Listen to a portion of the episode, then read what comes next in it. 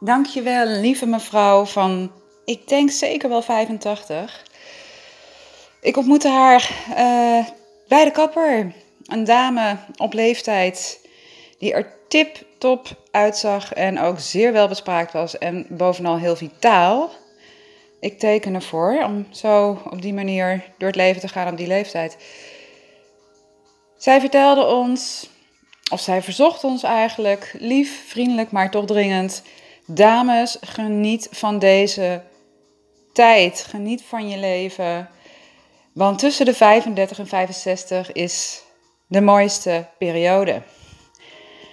En zij wilde niet betuttelend zijn, zij wilde niet uh, belerend overkomen, maar wat zij wilde is ons echt op ons hart drukken dat wij straks, net zoals zij dat doet, met een glimlach op ons leven kunnen terugkijken. En niet op een manier dat wij vol spijt zitten van gemiste kansen. En ik vond dat zo mooi. Ik bedoel, heel Instagram zat vol van allerlei mooie quotes en spreuken over carpe diem, pluk de dag, leef in het hier en nu, uh, leef jezelf. Alles komt voorbij. Alleen op het moment dat je er zelf niet lekker in zit, resoneert dat minder of zo. Nou, ik resoneerde 100% met deze dame. Uh, ik beleefde het vierdimensionaal en hoe zij dat overbracht.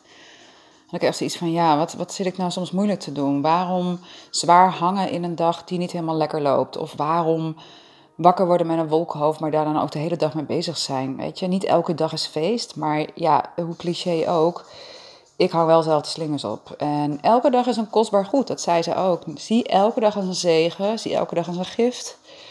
En haal er voor jezelf uit wat erin zit. Maar leef gewoon jezelf. En ja, ik vond dat hartstikke mooi. Ik, ik heb ook echt op dat moment gedacht, ik wil hier iets mee.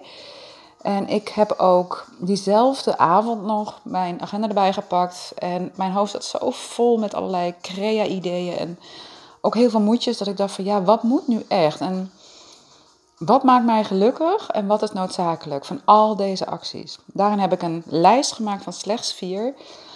Het is op het moment dat ik uh, dit uh, schrijf, is het 2 september. Dat betekent dat we nog iets van 120 dagen hebben tot einde van dit jaar. En in die 120 dagen wil ik alles doen wat mij een blij gevoel geeft.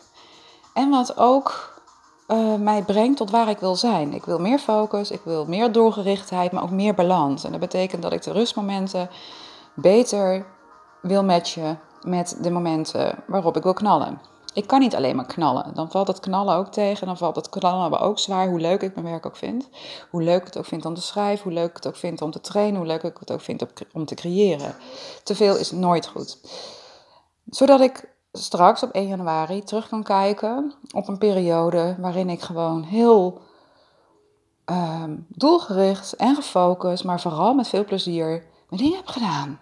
En daarmee bedoel ik niet alleen werken, daarmee bedoel ik ook een dagje uit met de kids of gewoon lekker tegen elkaar aanhangen op de bank uh, om te Netflixen.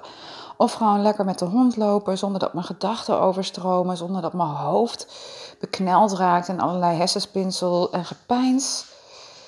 Ik merk nu al verschil.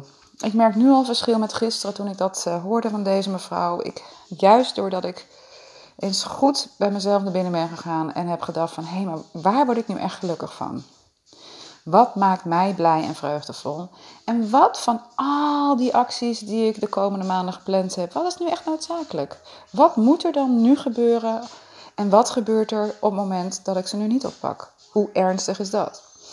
Het geeft mij lucht, het geeft me ruimte en het geeft me vooral een heel fijn gevoel in mijn hele lijf en leden. En dat is volgens mij waar het om gaat. Dan ben je ook beter in staat om in het hier en nu te leven en persoonlijk geluk te ervaren. Of het nu is voor een, een knipper bij de kapper of een lekkere kop koffie of een goed gesprek. Op het moment dat je te druk bent en je legt jezelf allerlei dingen op, al die zogenaamde moedjes in die red race van alle dag, dan, dan, dan komt er bewolking in je hoofd dan komt er verkramping in je lijf en ben je ook niet meer in staat om goed waar te nemen wat er op het moment zelf gebeurt. Ik kan het je in ieder geval aanraden. Ik ga ermee door. En op het moment dat het mij ook weer allemaal even te veel en te vol wordt, dan doe ik een stapje terug. Zoek ik mijn moment van bezinning en denk ik toch eens terug aan de wijze woorden van deze mooie dame.